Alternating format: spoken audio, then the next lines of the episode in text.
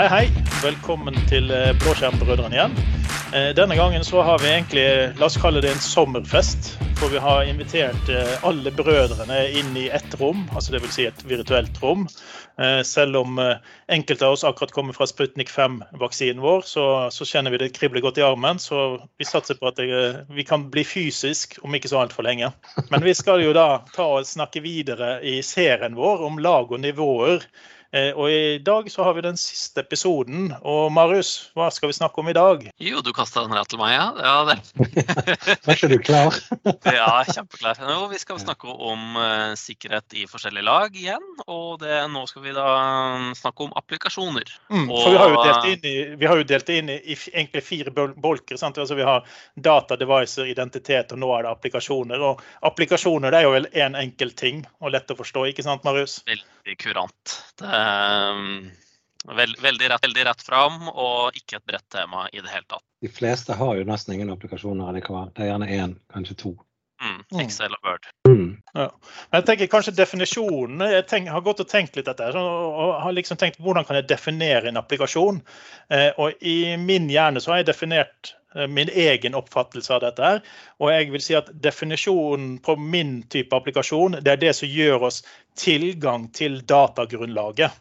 Eh, altså det vil si at eh, Vi håndterer jo informasjon, Eh, og så må vi ha noe som gjør at vi får presentert informasjonen på en god måte og kan gi input til informasjonen. Eller vise oss det vi trenger. Altså, på den måten så behøver vi ikke å snerve det inn og si at en applikasjon er noe en apputvikler har lagd, men, men, det kan være litt mer ting enn det. Eh, hva sier dere om den definisjonen, Pål? Jeg syns det var bra. Gir tilgang til og tolker resultatene av. Mm. Si. Ja, for alt er jo informasjon. ikke sant, Alexander? Det er jo informasjon som er tingen eh, av det vi jobber og vil nå. Mm. Ja, jeg syns det. For det at enhver applikasjon er jo egentlig en måte å hente ut informasjon fra et eller annet skjema. Um, om du høyreklikker på en fil i filutforskeren og spør om å få opp egenskapene, så ser du hvem som har opprettet Word-dokumentet. Du får opp hvor lenge noen har editert dette dokumentet. Og så på en måte er jo da Windows en applikasjon. Starter du mm. opp en databasetjeneste, så henter du opp innholdet i databasen. Så enhver applikasjon er jo i og for seg egentlig noe som henter ut en, mengde data helst i et skjemaformat. Så, så jeg syns det er en veldig fin måte å presentere det på. For dette måten vi har pleid å kalle det for applikasjon, er jo det at vi har eh, pleid å se på antall installerte apper i en Android, eller vi har tatt oss og gått inn på min Windows 10 PC og sett av de 160 apps som er found. Eh, jeg sjekket akkurat nå. Jeg skjønner jo ikke hvordan vi klarte det, men realiteten er jo det at vi har veldig mange andre applikasjoner som bare følger med.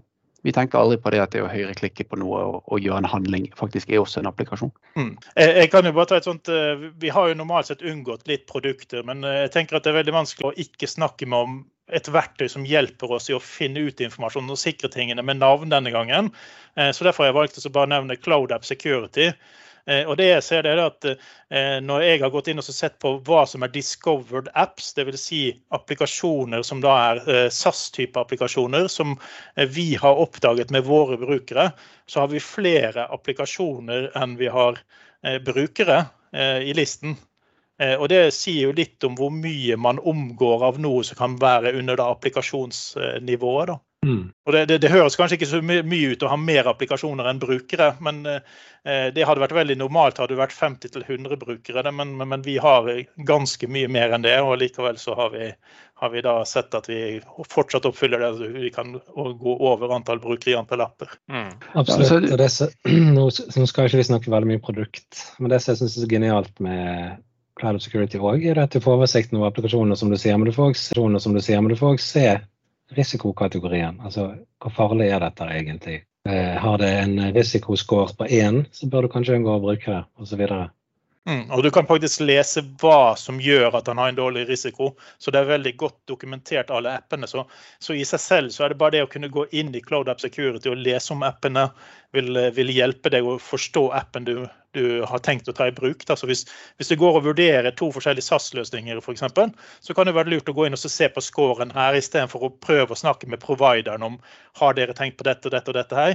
Eh, I Cloud App Security sin app-liste vil du da se hvordan han har scoret på de forskjellige områdene, som GDPR, også på TLS og så, så videre. Mm. Så egentlig så, nå var det litt viktig, for Før vi begynte denne podkasten, så satt jeg faktisk og jobbet i, i Cloud Security.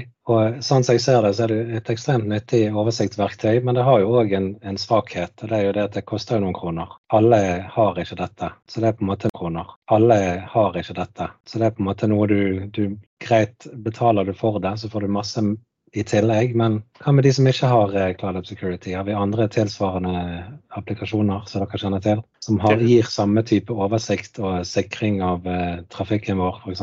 Det blir jo stort sett uh, appliances av forskjellige sorter og slag.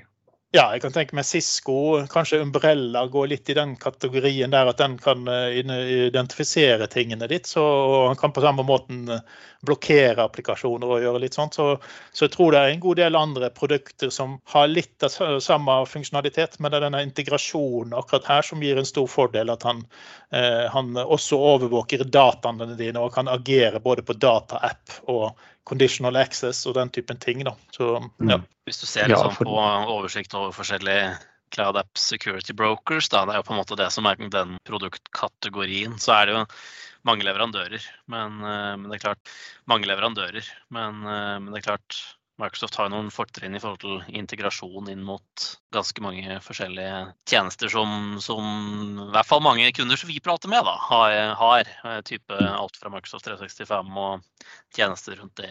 vi er jo litt ødelagt. Vi, har, vi er jo litt ødelagt, for vi, vi bruker ja. vi, vi, vi, er jo veldig Vi jobber jo mest med Microsoft. Det er jo så enkelt. Det betyr jo ikke at det ikke finnes mange andre gode produkter der ute. Ta gjerne i kommentaren etter denne poden og nevn noen i kommentarfeltet hvis du har noen som du elsker og syns er bedre enn alt annet. Det setter vi pris på. Mm, for det, det, er jo litt av den tanken å ikke putte alle eggene i, i samme korg. Altså, mange tar jo opp den gang på gang. Eh, og tanken er jo veldig god, men det kan være veldig vanskelig å ha management av for mange separate uh, funksjoner. Mm. Ja, og så finnes det jo veldig mye som er sånn hybrid, hvis man ønsker å finne noe som eh, ikke bare tar deg rett til sky, men du har jo gjerne litt on-prem og litt uh, i, i, sky. Så mm. Ja, så har det jo noe med at um, når Altså når du har f.eks. gått for Microsoft 365 E5 eller noen lignende type lisens, så det tok, det tok, ikke lengre tid før vi kom inn på den, nei. nei, men ikke sant jeg, jeg, tenker jo det at det også er en lisens som kommer med en ganske heftig prislapp per måned. Um, mm. Så man bør jo bruke det man betaler for uh, via den lisensen. Definitivt. Jeg ser Alex har kommet med SolarWinds-forslag uh, her i kommentarfeltet vårt. Mm. Det, er ikke, det, er ikke, det vi gjerne forbinder med sikkerhet akkurat nå, Alex. Iallfall ikke nå i den siste tiden. Nei, jeg eh, tenkte det at eh, det kan kanskje være en sånn hengende tråd i det at eh, kan sikkerhetsproduktene våre være også det største svakheten vi har? Ja, absolutt. Falsk sikkerhet, ja. Men jeg tenker, hvis, hvis vi tenker Sol SolarWinds, bare for å ta den ballen litt, så vil jeg, vil jeg tenke det eh, når, når, en restaurant åpner etter å ha vært stengt etter at Mattilsynet har vært der, så, så, er det veldig mange jeg kjenner som sier nei, vi må ikke gå der, for den var jo, der, for den var jo stengt av Mattilsynet. Men sannheten er jo at det, har aldri vært Så det, da, da det er tryggest. Altså, det er jo høyere fokus enn noen andre eh, i, en, i, en, viss periode, i hvert fall. Da. Så jeg tror, tror at vi må, vi må faktisk eh, tilgi eh, SolarWinds og, og, være glad for at de var så åpne mm. Tross alt, selv om det tok litt tid før de åpnet opp. De må jo få litt kontroll, men, men de har jo vært veldig åpne og har innsett at det er viktigere å få informasjon ut enn å prøve å redde ryktet. Jeg tror det er nettopp det som kommer til å redde SolarWinds. Det, det der å være åpen og si OK, dette har skjedd, du kan være påvirket. Det er risikabelt å gjøre, sant? og du skremmer folk, men samtidig så er det eneste rette å gjøre. Mm. Eh, vær åpen eh, om det. Ja. Så vil selvfølgelig noen, eh, f.eks. i pressen, utnytte det på det groveste og så få det til å fremstilt litt negativt. Microsoft var jo òg inne og sa at de hadde, de har jo brukt SolarWinds produkter, og at noen av deres ting kunne være påvirket. Og da gikk jo visse IT-aviser IT-aviser ut og sa ikke IT-Prox, Alex, men hvis andre IT-aviser ute sa omtrent Microsoft har blitt kompromittert sant, på en måte som kunne få det til å høres ut som at nå er Microsoft eh, hacket. og Smart. Mm. mm. Ja, det er, det er, denne forskjellen med å skille mellom kjæledyr og skadedyr. Det kan være akkurat det samme dyret, alt etter om du koser med det eller om du ødelegger sofaen din. Men det kan være akkurat det samme dyret. Eh, så det å forstå Hvem er det som er skadedyret og kjæledyret her, Alex? Nei, det kan være katt. Eh, men nei, noe så simpelt som det at eh, du installerer en applikasjon i tro om at det skal hjelpe deg, men plutselig så viser det seg å skade deg. Men det vil jo ikke nødvendigvis alltid skade deg. Og det vil ikke nødvendigvis alltid eh, hjelpe deg. Men det er, det er, veldig gode poeng der du sier, Olav. Og spesielt dette med Mattilsynet som et eksempel. Eh, kanskje man skal ta og renvaske SolarWinds eh, litt ekstra, og alle disse applikasjonene man før hadde litt sånn luguba stempel til. Og Du nevnte jo dette med IT-prox, Pål. Vi fikk jo høre dette når bl.a. Hy kjipe tingene. Så hopper man til antakelse av at dette er noen som ikke har antivirus på plass. Dette er noen som ikke har grunnleggende sikkerhet på plass.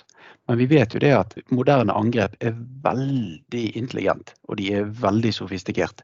Vil de inn, så finner de en vei inn. Spørsmålet bare om det tar en uke eller om det tar et år. Ja, Det er vel noen som sier at uh, måten du skal tenke på, det er ikke lenger hvordan skal vi hindre folk å komme inn. Det skal man selvfølgelig òg gjøre, men det er ikke det hovedtanken må være ja, det skal vi gjøre, men vi må òg tenke hva gjør vi når de allerede er her. Mm. Assume breach. Mm. Og så vil jo ryktet ditt være litt avhengig av om er dette her en zero day trussel, eller er det en fire måneder gammel patch som du skulle ha installert for fire måneder siden? Det er jo der vi ofte eh, tar litt feil. altså Vi må tenke på zero day er de som Alexander snakker om. Men eh, ting som eh, altså Veldig mange store angrep i det siste har vi jo sett har vært eh, svakheter som ble oppdaget for et år siden og patchet for et år siden. Og da er det egentlig ikke noen god unnskyldning å si at nei, det er ikke vår skyld, dette er Microsofts skyld at, at patchen har vært så lenge ute at eh, de burde fått noe på plass. Sant? Veldig godt poeng. Og akkurat i Hydro sitt tilfelle, for å, å runde av den, der jo, fantes det jo ikke antivirussignatur for det angrepet. Så da måtte de lage signaturen etter at angrepet var et tilfelle. Mm. Men jeg føler de som driver med offsite eh, backup for tiden, de må jo ha en liten sånn eh, vekst, revolusjon, eh, revival, jeg vet ikke hva det heter. For en lang periode nå så har det vært lagring av backuper i skyen eller på diskbaserte systemer, gjerne i eget miljø, som har blitt kryptert eh, eller ødelagt i samme angrep. Sant? Så de som, har, de som selger teiper, må jo på en måte ha fått litt mer vekst igjen. Altså, jeg, jeg tjener godt på floppy. Mm. Tre floppy-aksjene mine tjener jeg godt på nå. Mm. For det er, en er altså. Uh, å ha, ha for, for, en er jo hvor, hvor, det er offsite og sånt, men at det er et helt for, for, det første at det er immutable, altså backupen den, den kan ikke slettes. Eller på, altså den er der, men at det er et helt for, for, det første at det er immutable, altså backupen den den kan ikke slettes. På, altså, den er der, den. Og det er ikke mulig å, å, fjerne den på noe som helst vis. Og det andre er at det, det bør være helt separate brukere og alt mulig, mulig sånne type ting for på en måte backup-arkivet. da. Mm. Så, så, i verste fall da, så, så har du kanskje en, en um, Kall det den nærmeste backupen er, er f.eks. lokal. altså Du kan ha ha rask restore uh, hvis ting går til dundas. Mens, øh, mens kommer noen og, og, angriper deg med et type ransomware-angrep og tar ned den backupen, så har du på en måte bare skyfla ut backupen et annet sted. Som, det, eh, at du har noen generasjoner, sant? i tilfelle mm. noe er korrupt i løpet av langt. Det kan gå lang tid. Et angrep skjer ikke stort sett i løpet av natten. Og Det er ganske interessant det du sier, Marius. For det at uh, man forbinder gjerne tape med per enhet. Du får plass til ganske mange kassetter i en boks. Og det bl.a. Google gjør for å ta backup av sine datasentre, er jo å kjøre mange backup-taper. Kjører dette inn på lastebiler, så flyr de det til en annen by. Mm. Vi kom jo litt på det Chris Dahle fra River, Riverbed Security sa når vi hadde han på besøk. Det var jo det at en av de tingene River Security. River Security. Eh, det var det at de går rett etter eh, backup-serveren din. og Hvis du prøver å få den ut av ransomware som første server, så vil ikke de gi deg den fordi de skjønner at det er backup-serveren din. Mm. Så, så, eh, det nytter jo ikke hvis backupen din er online, som vi snakker om her. Og det er en veldig en veldig vanlig konfigurasjon dessverre i disse dager da, i forhold til hvordan det var før, hvor tingene var litt lettere. Men vi, vi tok det ut av huset for at ikke det skulle brenne ned før. Men uh, mm. nå er det en helt annen type brann vi egentlig tenker på. Mm. Så lenge det er koblet til systemet ditt, så lenge det er backup-roboter, backup-disk-løsninger, som alt er koblet til det samme systemet som dataene dine ligger i, så er du ikke lenger trygg. Det har jo roboter, backup-disk-løsninger, som alt er koblet til det samme systemet som dataene dine ligger i, så er du ikke lenger trygg. Det har jo siste tiden vist ganske tydelig. Sant? Nå, hør nå. Åpner jeg en skuff, finner fram en ekstern disk legger oppi her. Det er jo kanskje ikke den beste måten å gjøre det på. For jeg har mine data her, og i skyen, og en disk i skuffen, men det er i hvert fall ikke tilgjengelig via nett. sant? Mm. Ikke hvor mange disker jeg har her med bilder av deg, Olav, men eh, det er ikke få. Nei, det er ikke få, kan jeg tenke meg. De skal ingen ta fra meg, det kan jeg bare si deg. Da har jeg ingenting å presse deg med mer. Nei, du finner den på nettet likevel, så det er ikke så farlig. Men, men, men til, trekk oss litt tilbake til applikasjonen. da. Uh, altså Hvis vi tenker uh, når begynner sikringen av en, en, applikasjon, Marius? Hva vil du sagt? Altså, altså, Når skal du begynne å tenke sikringen av applikasjonen? Ja, Tenker du på utviklingen da? For det er i hvert fall sånn som jeg vil holde på å si, for å snu litt på egentlig hele mynten. da. For nå har vi pratet mye rundt applikasjoner i alle forplikasjonen òg. Og um, som steg én der tenker jeg cirka vi bør putte sikkerhet i applikasjonen som en del av Selve koden. Ja, både selve koden, men også på en måte det, den metodikken da, man, man, eh, bygger applikasjoner på, med sikkerhet som en del ja, fra, fra dag én. Da. Så f.eks. at du skal bygge en eller annen klient-server-basert tjeneste, da. Så du kan jo godt mukke opp noe og gjøre litt proof of concept og sånne ting, men hvis, når du først skal begynne å bygge noe som du vet at det her kommer faktisk til å bli et produkt en eller annen dag, mm. så sørger du for at det du har ende-til-ende eh, autentisering eh, og forskjellig type, type, lag med sikkerhet i applikasjonen din fra dag én, så du ikke må ettermontere på noe som helst vis sikkerhet, fordi det er aldri suksess. Én, så du ikke må ettermontere på noe som helst vis sikkerhet. Fordi det er aldri suksess. Det, det, er liksom så mye lettere for store firmaer å gjøre. For små firmaer som utvikler applikasjonene, så er ikke det den. Mm. De store de kan si her har jeg laget noe, så trygt, prøv å hacke meg, da. Se om dere klarer det. Skal få 10 000 dollar. Mm. Og Der, der kommer vi litt på en, en, episode vi hadde tidligere med noen, med noen utviklere fra Sparebanken Vest. Mm. Eh, og da, da, snakket vi jo om, om, teknisk gjeld. Og det er jo veldig ofte eh, sikkerhetsrelatert, for at du bruker et bibliotek som eh, har funnet en svakhet som må oppdateres. og Da kommer du inn på det der hvis du er en liten utvikler, så har du ikke råd nødvendigvis til å eh, patche det opp på riktig, eh, riktig tidspress på å få, få oppdateringene ut og gå. Så der kommer jo egentlig der vi, der, der vi snakker om eh, lag og nivåer. Sant? Altså mm. her på applikasjonen så må vi gjøre som Marius sier, vi må tenke sikkerheten fra vi begynner å utvikle det. Og vi, må egentlig, vi bør alltid tenke på at selv om vi bare tester ut noe, så har det en tendens til at det er på lagene eh, riktig. Sånn at ja, vi har sikret det fra det ble lagd, og når vi publiserer det, så må vi tenke på publiseringssikkerheten på det. Sånn. Er lite som er så permanent som en midlertidig løsning, er det noen som en gang sa. og akkurat det du beskriver om teknisk gjeld i spesielt tredjeparts API-er og andre tilgjengelige ting. Vi har jo nærmest glemt hvordan bank-ID fungerte før, med Java. Eh, de lå jo og hvilte hele sikkerhetsmodulet sine på at de måtte ha Java i bunnen. Jeg kommer aldri til å glemme det. Aldri. Jeg har oppdatert Java på Citrix-servere kontinuerlig i flere år. Så, så, essensen er jo det at fordi at man lager og utvikler noe som baserer seg på noe så stort som Java, så er man også nødvendig, altså man er nødt til å være sikker på at dette fungerer. Uh, I dag går vi ikke i samme fellen. Men vi går samme vei. Vi bruker f.eks. identitetsplattformer. Sant? Sign in med Facebook eller sign in med eh, Microsoft accounts. Eh, og det er ikke samme sikkerhetstrussel, ikke i nærheten. Man må stole på andre API-er, og disse kan ikke ha teknikal, Ikke i nærheten. Man må stole på andre API-er, og disse kan ikke ha teknisk hjelp. Mm. Eh, vi snakket jo også litt om eh, i tidligere, jeg lurer på om ikke det var under identitet-episoden, så snakket vi også om det at eh, det er fort gjort å glemme at selv om vi har sikret alt med MFA og andre typer ting, conditional access, så sitter vi kanskje igjen med noe som er utviklet on premises og blitt publisert, som plutselig da er en bakdør Eh, inn i systemene. Og, det kan jo være litt skummelt, Marius. Eh, kan du tenke deg scenarioet der, og hva vi kan gjøre rundt den typen legacy-applikasjoner, for å kalle det sånn? da? Ja, altså hvis du tenker litt sånn Når du har en applikasjon som du, som du skal si bare publisere på nett, da, for å ta det, det scenarioet. Det være seg en eller annen gammel SharePoint-løsning eller hva som helst. Og alltid, alltid lurt å putte gamle ting på internett, men eh, det er nå så. er det meg du snakker om? Yes.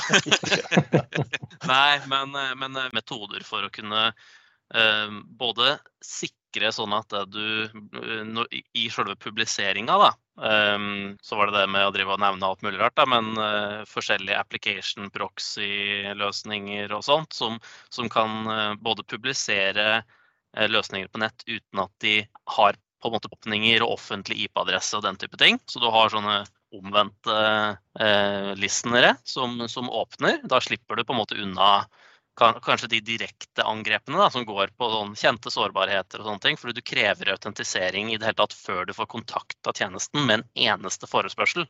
Så det er jo én ting. En annen ting går jo på application firewalls og sånne ting. Um, det er jo løsninger som kan se på trafikk og både kjenne igjen mønster Um, at OK, det her har jeg aldri sett før mot denne applikasjonen. Det er litt suspekt, så nå stopper jeg det, f.eks. Ja, for da vil han jo kjenne igjen typiske mønstre for uh, dårlig oppførsel også. Typiske mønstre for uh, dårlig oppførsel også, ikke sant? Ja, for da kan de f.eks.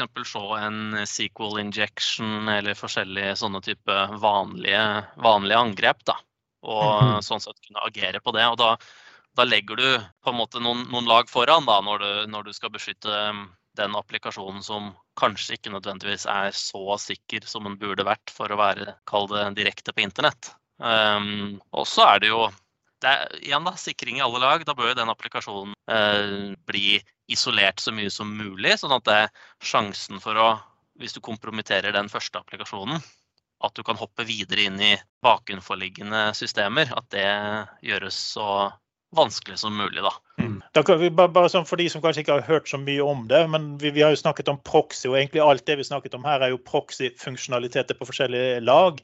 Eh, proxy, hva er det for noe, Pål? Proxy er jo eh, han som eh, står på utsiden og tar imot og videresender Eksempel en web application proxy, som vi brukte mye når vi satte opp ADFS. Den tar jo imot informasjon på port 443 og sørger for at det er kun der informasjonen kan komme gjennom, og så sender han det videre til en eh, dette kan jo Marius ti ganger bedre enn meg, men det er autentiseringen f.eks. gjennom. Eh, ja, men han sørger for at du ja, Men også all dataen kan jo eh, inspiseres på den samme mm. måten. sånn som Cloud ja, den, gjør, security, den gjør på en måte en, en HTTPS inspection, eller egentlig en mm. decryption. Så den, den tar imot HTTPS-sesjonen din og, og, terminerer den.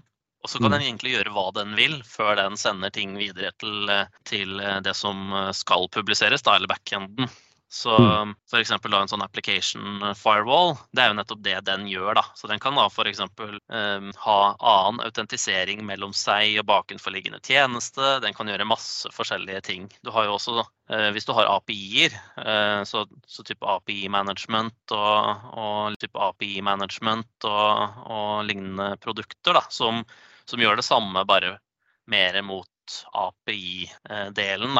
Så Da kan du f.eks. ta et uh, gammelt SOAP-API og, og, publisere det um, til internett, men som et REST-API. Så da gjør da produktet oversetting for deg. og Det er veldig mye sånn type, type funksjonalitet som også kan hjelpe deg med å, med å, sikre i alle slags lag. Da. Og her er det jo ikke sånn at du går for at nei, vi har, vi har nå også hatt så god og sikker prosess for utvikling at det, da skipper vi hele lage med application firewalls og sånne ting, det har verdi uansett. Og Der, der har jo du Paul, brukt den gamle NT4-serveren som du har stående inne på, eh, på, rommet ditt. Den har jo du publisert på denne måten, som gjør at du faktisk kan få conditional access, multifaktorautentisering og den typen ting før man mm. får tilgangen på NT4-serveren din med, med, den nye boken din. Er ikke det sånn, sånt du gjør det?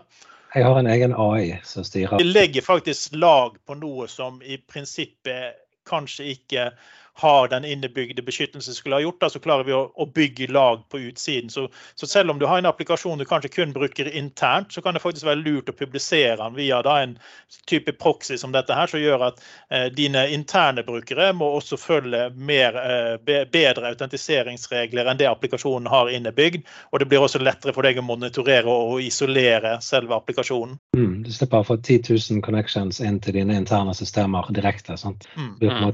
Men eh, det, det, det, om denne serien har lært oss noe, så er det at én form for sikkerhet er aldri nok. Du kan sikre én ting, og så kan du tenke at det er nok, men det er det aldri. Du må på en mm. måte ha sikkerheten i flere ledd, Olav, som du helt riktig sa når vi begynte dette her.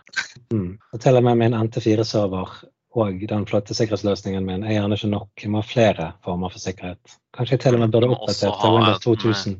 Ja, der har du det. Min NT4-server og den flotte sikkerhetsløsningen min er gjerne ikke nok. Vi må ha flere former for sikkerhet. Kanskje jeg til og med burde oppdatert til Windows 2000. Ja, der har du det. Ja, ja. ja. ja for det, det, det, er jo en eh, det vi ikke tenker på med, med patchingene av eh, OS-ene våre, det er jo det at det er faktisk reparasjon av teknisk gjeld. Så det, mm. De har oppdaget en svakhet i applikasjonene som kjører i Windows, ikke nødvendigvis Windows, men de må patche det på en måte så de fikser tekniske gjelden sin både i OS og applikasjonen på toppen av OS. -en. Men det er jo litt her sånn type plattformtjenester og sånn i skya kan hjelpe deg ganske mye da, med å unngå den tekniske gjelda, fordi du gir egentlig bort den gjelda til, til en skyleverandør. Så i, i, hvert fall i den form av at det både altså serverpatching og den type ting, men også en del sånn sikkerhetsinnstillinger som du på en måte får litt sånn gratis. Um, Kall det automatisk forvalta av, av, noen andre. Det kan jo være Utviklere i, i dialogboksen vår, bare for å se hvordan anser de da, disse SAS-applikasjonene eh, som de selv utvikler? Har de fortsatt det rest, eh, restgjeldproblemet med at API-ene må manuelt oppdateres, eller er det noen eh, leverandører som faktisk har begynt å tenke på dette for dem og gjøre det automatisk? Jeg vet, det vet, eh, når vi snakket tidligere om restgjeld, så, så finnes det jo en god del løsninger du kan kjøpe som gjør deg aware of dette her, og kanskje automatisere prosessen av det. Men, men har tankegangen snudd der ute blant leverandører av det underliggende lagene da, på applikasjonene? Det byr på litt nye problemstillinger i alle fall. Altså, for en, en, løsning som jeg, jeg bygger, den uh, kobler jo til uh, alle mulige slags forskjellige løsninger i Microsoft 365. Um, så, og de har jo forskjellige API-er. Du har jo Graf-API-er, men så har du plutselig at du skal gjøre noen innstillinger i Exchange. Da må du ha Exchange PowerShellet og SharePoint. SharePoint. Da må du ha SharePoint PowerShell-modulen eller andre ting som ikke er rene API-er, da. Men det er jo en form for, for programmeringsgrensesnitt allikevel, da. Um, men der er det på en måte litt sånn utfordring at utviklingstakta i skya er så høy, da. At du havner Altså, det, det skjer så mye endringer at det, det er noe som brekker en gang i måneden. Fordi et eller annet er forandra. Mm. Da snakker vi at det er en 150-200 forskjellige kall da, til alle mulige merkelige greier. Så, så klart det er jo en risikoidé i seg sjøl. Men uh, det byr på litt nye utfordringer der òg. Mm. Og det, det, oppsummerer faktisk, eh, det, oppsummerer faktisk, veldig fint alle de fire, eller vi har jo hatt fem episoder, men fire direkte. Eh, for at vi har da, som jeg har nevnt, vi har snakket om identitet, devicer, Eh, applikasjoner og data. Og alle de lagene, hva har de til felles som det viktigste av det vi egentlig gjør? Det er jo monitor monitoreringen og overvåkningen for å faktisk oppdage når ting går gale. Enten som Marius nevner her med en applikasjon som plutselig slutter å virke fordi at noe har blitt oppdatert i barkant, og det skjer ofte. og Da må du fange opp denne endringen, eh, sånn at vi får gjort noe med det. Så, så på toppen av all sikkerheten vi har, det, det, er liksom ingen av disse lagene vi har som har den største verdien, i hvert fall, hvis vi ikke passer på å overvåke dem. Det er veldig sant. Og det, det er dessverre ikke så uvanlig at noen setter opp et flott system, og så glemmer de det. Så om, om det er noe de skal ta med seg, ja. Mm. God idé. Jeg kan jo ta en, eh, som en avslutning en siste historie om overvåkning. Og, det var tilbake igjen i Bråten Safe sine dager med sånne flygemaskiner. Eh, og de hadde NT4-servere, som vi elsker så mye her. Eh, og der var det faktisk sånn at jeg en gang i uken kom opp og så hentet jeg loggene deres fra serverne. De, kjørte, de hadde tre servere de kjørte systemene sine på, hvis jeg husker tre-fire servere. Og vi kopierte ut alle loggene på flopper Eh, vi tok eh, ut alle loggene på flopper. Eh, vi tok de med oss på kontoret, og så brukte vi ganske lang tid på å analysere dem for å se om det var noe vi skulle håndtere og gjøre noe med. Og Det gjorde vi hver eneste fredag. og så hadde vi da Neste fredag så hadde vi da gjerne noen ting vi skulle fikse basert på de loggene. Så, mm. så de, Bråten Safe tilbake i gamle dager tok faktisk dette, ganske alvorlig. Fordelen nå er jo at vi har systemer som skal Eh, tygge gjennom disse loggene for oss. For det er ikke alt vi trenger å vite noe om. Så. Det er det som er så vittig. Du, du, sier at du tok ut loggene på floppy disk og brukte en uke på å analysere. Men det som er så vittig nå, det er jo det at disse tingene skjer på et brøkdel sekund uten at vi får rørt det. Altså det jo, når du tenker på analysene som skjer i Asher f.eks., mm. hvordan du risikokalkulerer noe. Sant? Ok, Her er det noe som skjer, en som logger seg på, impossible travel osv. Så, videre, så er det gjort en avgjørelse. Kanskje den brukeren er stengt ute, kanskje han har fått krav om MFA uten at mm. et menneske har vært borti det i det hele tatt. Så det du sier om at det ikke har vært framgang siden Windows NT4, det er jeg litt uenig i, Olav.